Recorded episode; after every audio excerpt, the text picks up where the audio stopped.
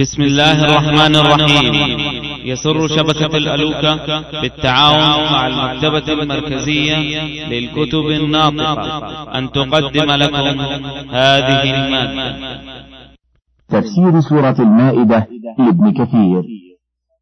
فلما أمرهم موسى عليه السلام بالدخول عليهم وقتالهم قالوا يا موسى اذهب أنت وربك فقاتلا إنا هاهنا قاعدون. رواه ابن أبي حاتم ثم قال حدثنا أبي حدثنا ابن أبي مريم حدثنا يحيى ابن, ابن أيوب عن يزيد ابن الهادي حدثني يحيى ابن عبد الرحمن قال رأيت أنس بن مالك أخذ عصا فضرع فيها بشيء لا أدري كم ضرع ثم قاس بها في الأرض خمسين أو خمسا وخمسين ثم قال هكذا طول العماليق وقد ذكر كثير من المفسرين ها هنا أخبارا من وضع بني إسرائيل في عظمة خلق هؤلاء الجبارين وأن منهم عوج بن عنق بنت آدم عليه السلام وأنه كان طوله ثلاثة آلاف ذراع وثلاثمائة وثلاثة وثلاثون ذراعا وثلث ذراع تحوير الحساب وهذا شيء يستحى من ذكره. ثم هو مخالف لما ثبت في الصحيحين أن رسول الله صلى الله عليه وسلم قال إن الله خلق آدم وطوله ستون ذراعا ثم لم يزل الخلق ينقص حتى الآن. ثم ذكروا أن هذا الرجل كان كافرا وأنه كان ولد زنية وأنه امتنع عن الركوب سفينة نوح وأن الطوفان لم يصل إلى ركبته. وهذا كذب وافتراء. فإن الله تعالى ذكر أن نوحا دعا على أهل الأرض من الكافرين فقال رب لا تذر على الأرض من الكافرين ديارا.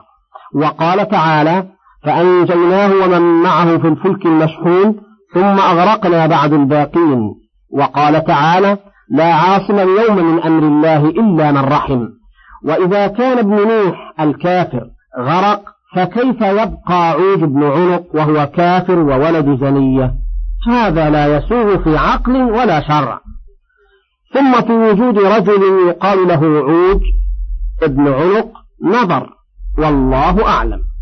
وقوله تعالى قال رجلان من الذين يخافون أنعم الله عليهما أي فلما نكل بنو إسرائيل عن طاعة الله ومتابعة رسول الله موسى صلى الله عليه وسلم حرضهم رجلان لله عليهما نعمة عظيمة وهما ممن يخاف أمر الله ويخشى عقابه.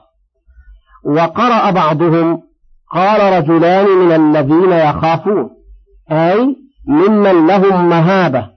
وموضع من الناس ويقال إنهما يوشع ابن نون وكالب ابن يوفنى قاله ابن عباس ومجاهد وعكرمة وعطية والسدي والربيع بن أنس وغير واحد من السلف والخلف رحمهم الله. فقال ادخلوا عليهم الباب فإذا دخلتموه فإنكم غالبون. وعلى الله فتوكلوا إن كنتم مؤمنين. أي إن توكلتم على الله واتبعتم أمره ووافقتم رسوله نصركم الله على أعدائكم وأيدكم وظفركم بهم ودخلتم البلد التي كتبها الله لكم فلم ينفع ذاك فيهم شيئا.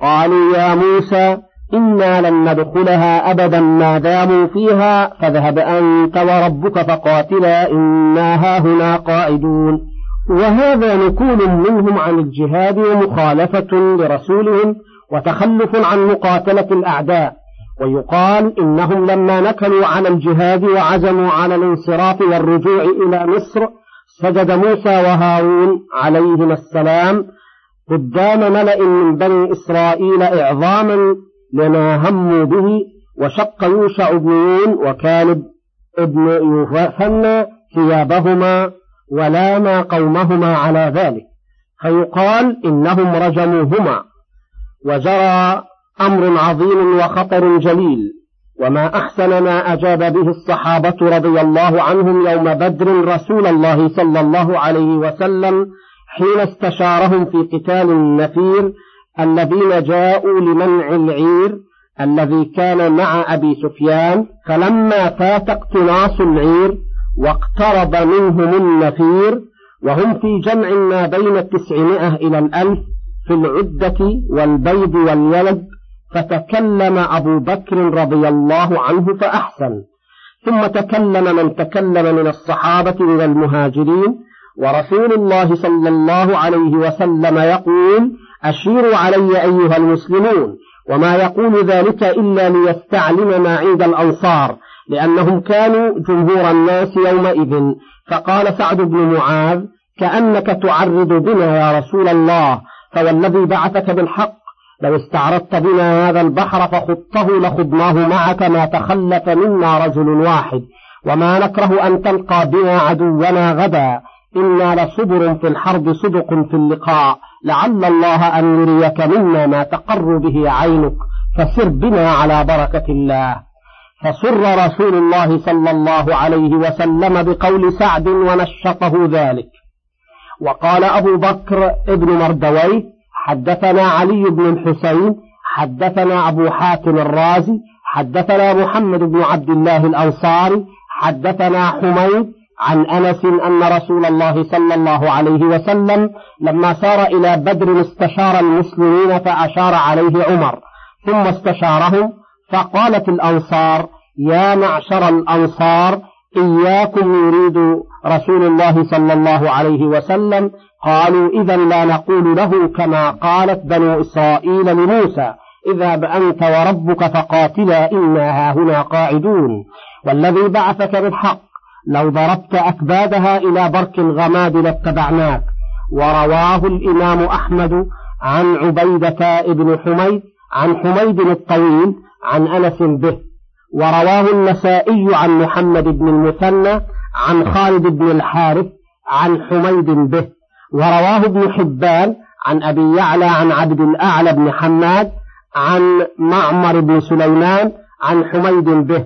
وقال ابن مردويه حدثنا عبد الله بن جعفر حدثنا إسماعيل بن عبد الله حدثنا عبد الرحمن ابن إبراهيم حدثنا محمد بن شعيب عن الحكم بن أيوب عن عبد الله بن ناسخ عن عتبة بن عبيد السلمي قال قال النبي صلى الله عليه وسلم لأصحابه ألا تقاتلون؟ قالوا نعم ولا نقول كما قالت بنو إسرائيل لموسى. اذهب أنت وربك فقاتلا إنا هنا قاعدون. ولكن اذهب أنت وربك فقاتلا إنا معكم مقاتلون. وكان ممن أجاب يومئذ المقداد بن عمرو الكندي رضي الله عنه كما قال الإمام أحمد حدثنا وكيع حدثني سفيان عن مخارق بن عبد الله الأحمسي عن طارق هو ابن شهاب أن المقداد قال لرسول الله صلى الله عليه وسلم يوم بدر يا رسول الله إنا لا نقول لك كما قالت بنو إسرائيل لموسى اذهب أنت وربك فقاتلا إنا هاهنا قاعدون ولكن اذهب أنت وربك فقاتلا إنا معكما مقاتلون. وهكذا رواه أحمد من هذا الوجه. وقد رواه من طريق أخرى فقال حدثنا أسود بن عامر حدثنا إسرائيل عن مخارق عن طارق بن شهاب قال قال عبد الله بن مسعود رضي الله عنه لقد شهدت من المقداد مشهدا لأن أكون أنا صاحبه أحب إلي مما عدل به أتى رسول الله صلى الله عليه وسلم وهو يدعو, وهو يدعو على المشركين فقال والله يا رسول الله لا نقول كما قالت بنو إسرائيل لموسى اذهب أنت وربك فقاتلا إنا هنا قاعدون.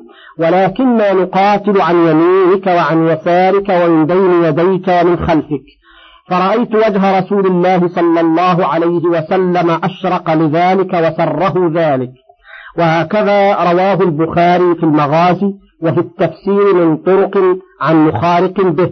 ولفظه في كتاب التفسير عن عبد الله. قال قال المقداد يوم بدر يا رسول الله لا نقول لك كما قالت بنو إسرائيل لموسى اذهب أنت وربك فقاتلا إنا هاهنا قاعدون. ولكن امضي ونحن معك. فكأنه سري عن رسول الله صلى الله عليه وسلم.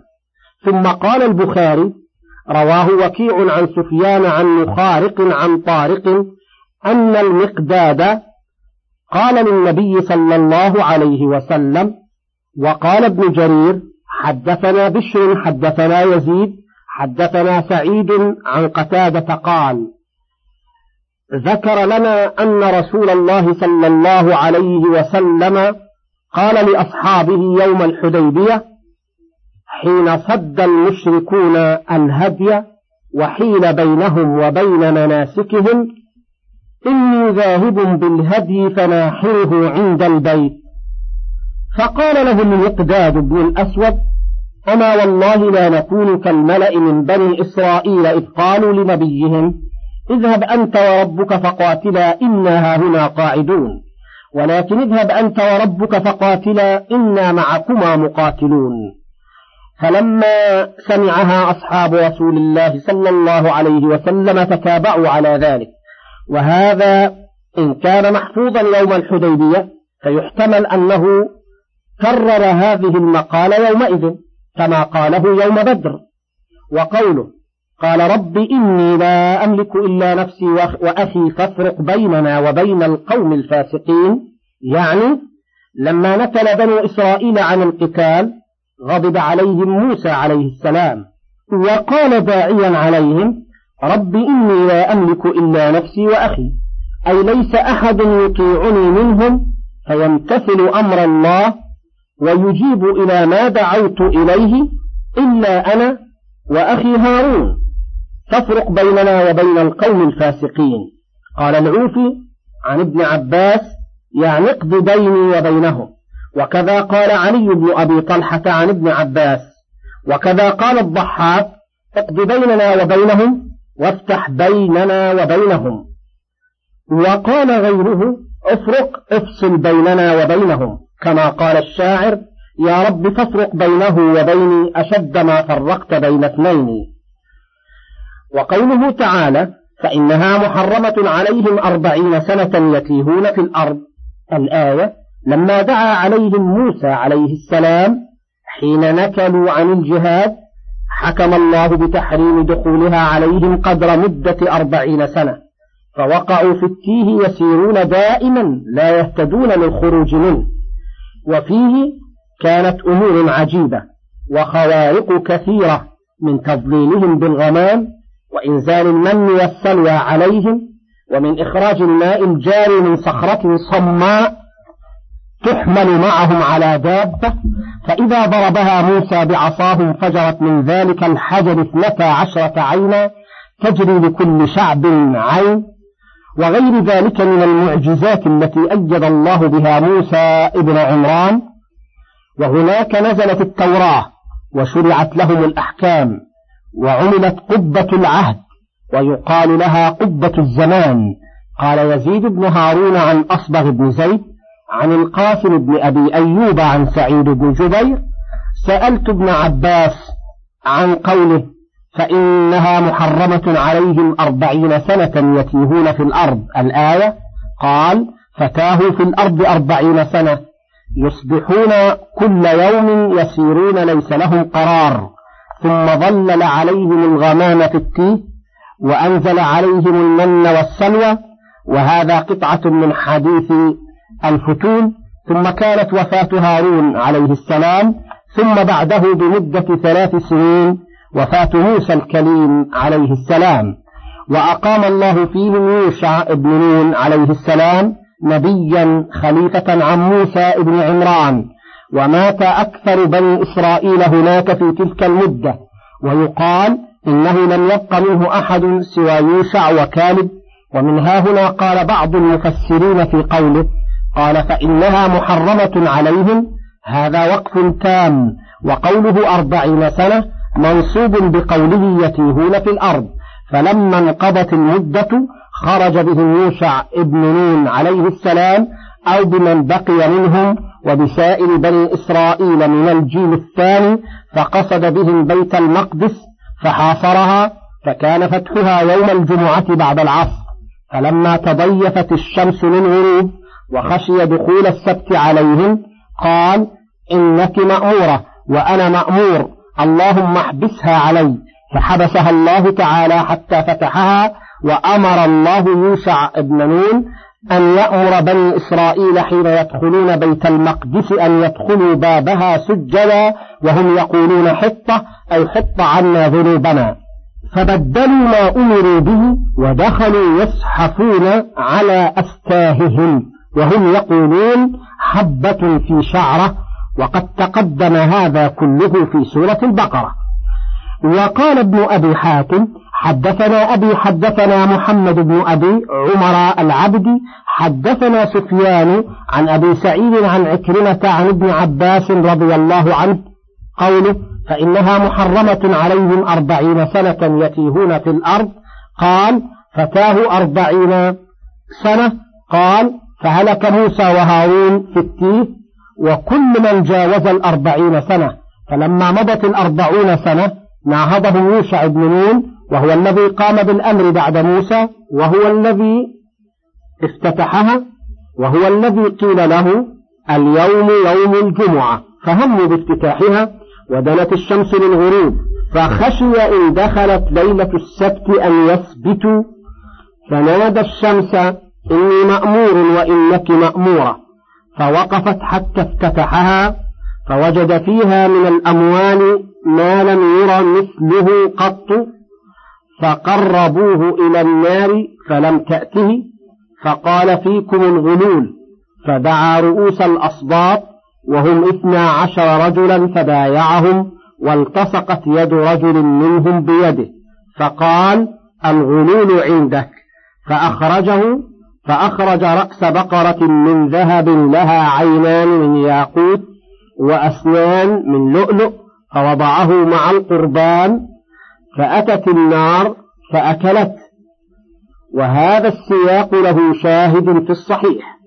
وقد اختار ابن جرير أن قوله فإنها محرمة عليهم وهو العامل في أربعين سنة وأنهم مكثوا لا يدخلونها أربعين سنة وهم تائهون في البرية لا يهتدون لمقصد قال ثم خرجوا مع موسى عليه السلام ففتح بهم بيت المقدس ثم احتج على ذلك من قال بإجماع علماء أخبار الأولين أن عوج ابن عنق قتله موسى عليه السلام. قال فلو كان قتله إياه قبل التيب لما رهبت بنو إسرائيل من العماليق.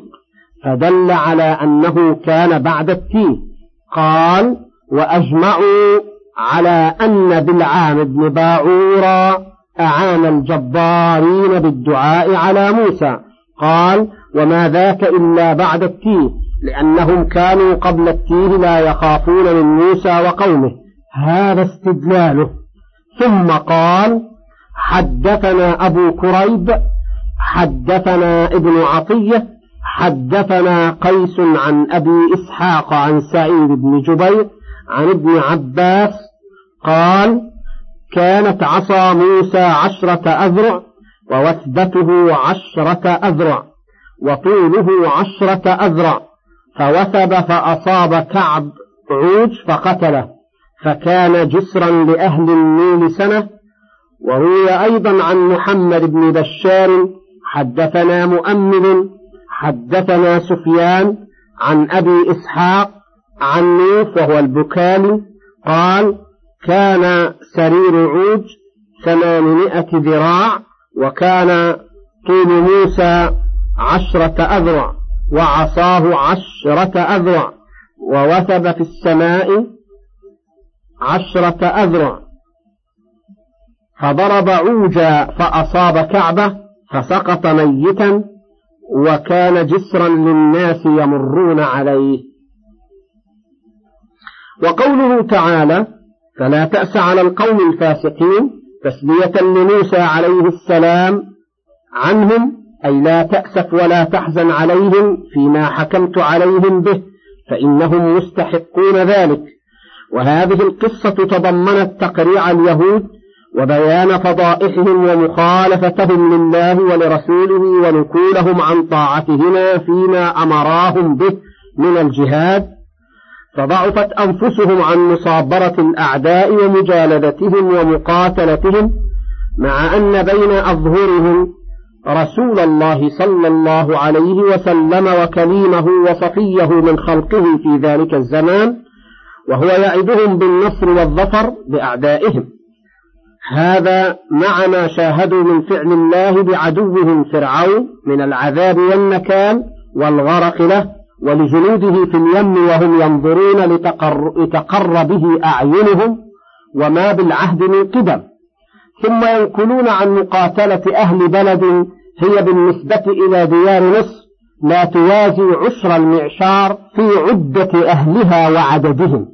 فظهرت قبائح صنيعهم للخاص والعام. وافتضحوا فضيحة لا يغطيها الليل ولا يسترها الذيل. هذا وهم في جهلهم يعمهون وفي غيهم يترددون وهم البغضاء إلى الله وأعداؤه ويقولون مع ذلك نحن أبناء الله وأحباؤه. فقبح الله وجوههم التي مسخ منها الخنازير والقرود وألزمهم لعنة تصحبهم إلى النار ذات الوقود ويقضي لهم فيها بتأييد الخلود وقد فعل وله الحمد من جميع الوجود. واتل عليهم نبأ ابني آدم بالحق إذ قربا قربانا فتقبل من أحدهما ولم يتقبل من الآخر قال لأقتلنك. قال إنما يتقبل الله من المتقين.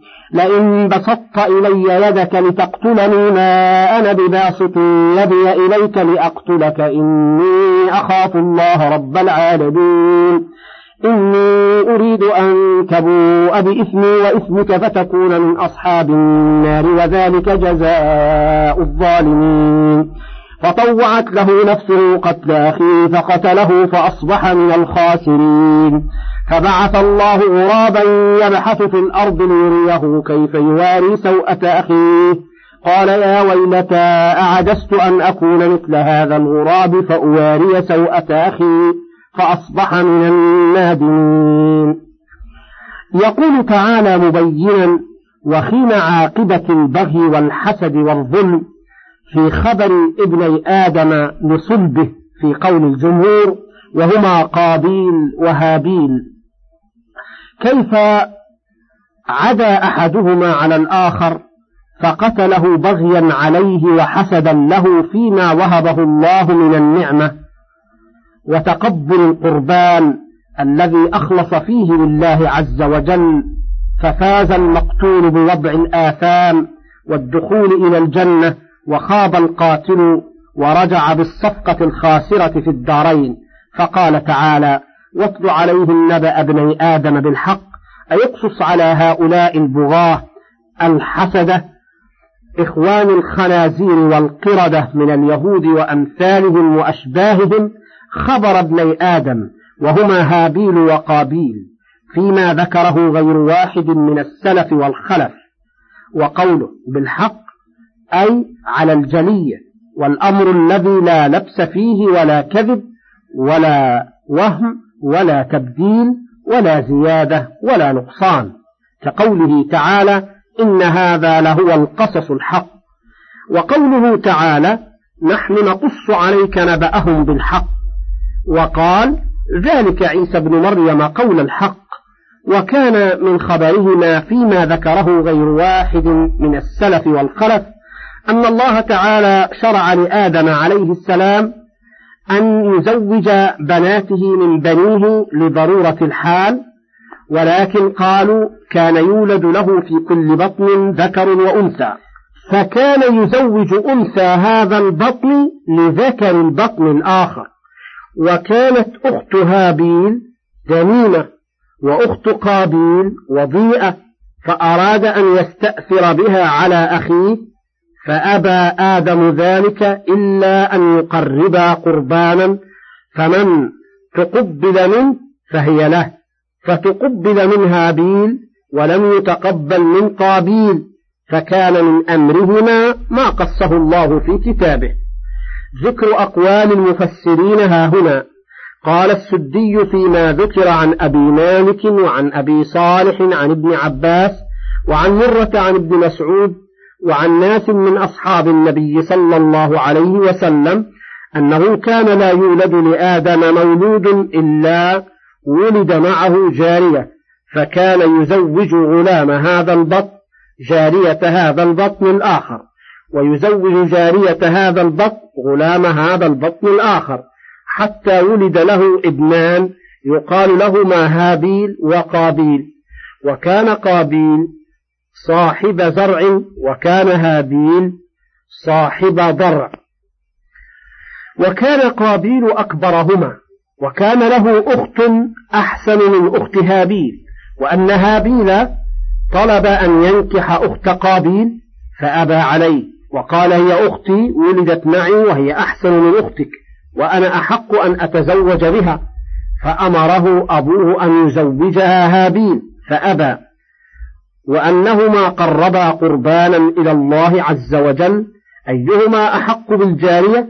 وكان آدم عليه السلام قد غاب عنهما. أتى مكة ينظر إليها. قال الله عز وجل هل تعلم أن لي بيتا في الأرض؟ قال اللهم لا. قال إن لي بيتا في مكة فأته. فقال آدم للسماء احفظي ولدي بالأمانة فأبت وقال للأرض فأبت وقال للجبال فأبت فقال لقابيل فقال نعم تذهب وترجع وتجد أهلك كما يسرك. فلما انطلق آدم قربا قربانا وكان قابيل يفخر عليه فقال أنا أحق بها منك هي أختي وأنا أكبر منك وأنا وصي والدي فلما قربا قرب هابيل جذعه سمينة وقرب قابيل حزمة سنبل فوجد فيها سنبلة عظيمة ففركها وأكلها. فنزلت النار فأكلت قربان هابيل وتركت قربان قابيل فغضب. وقال لأقتلنك حتى لا تنكح أختي. فقال هابيل إنما يتقبل الله من المتقين. رواه ابن جرير. وقال ابن أبي حاتم حدثنا الحسن بن محمد بن الصباح حدثنا حجاج عن ابن جريج أخبرني ابن خيثم قال أقبلت مع سعيد بن جبير فحدثني عن ابن عباس قال نهي أن تنكح المرأة أخاها توأمها وأمر أن ينكحها غيره من إخوتها وكان يولد له في كل بطن رجل وامرأة فبينما هم كذلك إذ ولد له امرأة وضيئة وولد له أخرى قبيحة دنينة فقال أخو الدنينة أنكحني أختك وأنكحك أختي فقال لا. أنا أحق بأختي فقربا قربانا فتقبل من صاحب الكبش ولم يتقبل من صاحب الزرع فقتله إسناد جيد. وحدثنا أبي حدثنا أبو سلمة حدثنا حماد بن سلمة عن عبد الله بن عثمان بن خيثم عن سعيد بن جبير عن ابن عباس قوله إذ قربا قربانا فقربا قربانهما فجاء صاحب الغنم بكبش أعين أقرا أبيض وصاحب الحرث بصبرة من طعامه فقبل الله الكبش فخزنه في الجنة أربعين خريفا وهو الكبش الذي ذبحه إبراهيم عليه السلام إسناد جيد. وقال ابن جرير حدثنا ابن بشار حدثنا محمد بن جعفر حدثنا عوف عن أبي المغيرة عن عبد الله بن عمرو قال إن ابني آدم اللذين قربا قربانا فتقبل من أحدهما ولم يتقبل من الآخر كان أحدهما صاحب حرث والآخر صاحب غنم وإنهما أمر أن يقربا قربانا. وإن صاحب الغنم قرب أكرم غنمه وأسمنها وأحسنها طيبة بها نفسه. وإن صاحب الحرث قرب أشر حرثه الكوزا والزوان غير طيبة بها نفسه. وإن الله عز وجل تقبل قربان صاحب الغنم ولم يتقبل قربان صاحب الحرث. وكان من قصتهما ما قص الله في كتابه. قال ويم الله إن كان المقتول لأشد, لأشد الرجلين ولكن منعه التحرج أن يبسط يده إلى أخيه. وقال إسماعيل بن رافع المدني القاص بلغني أن ابني آدم لما أمرا بالقربان كان أحدهما صاحب غنم وكان أنتج له حمل في غنمه فأحبه حتى كان يؤثره بالليل وكان يحمله على ظهره من حبه حتى لم يكن له مال أحب إليه منه فلما أمر بالقربان قربه لله عز وجل فقبله الله منه فما زال يرتع في الجنة حتى فدي به ابن إبراهيم عليه السلام رواه ابن جرير. من فضلك تابع بقية المادة.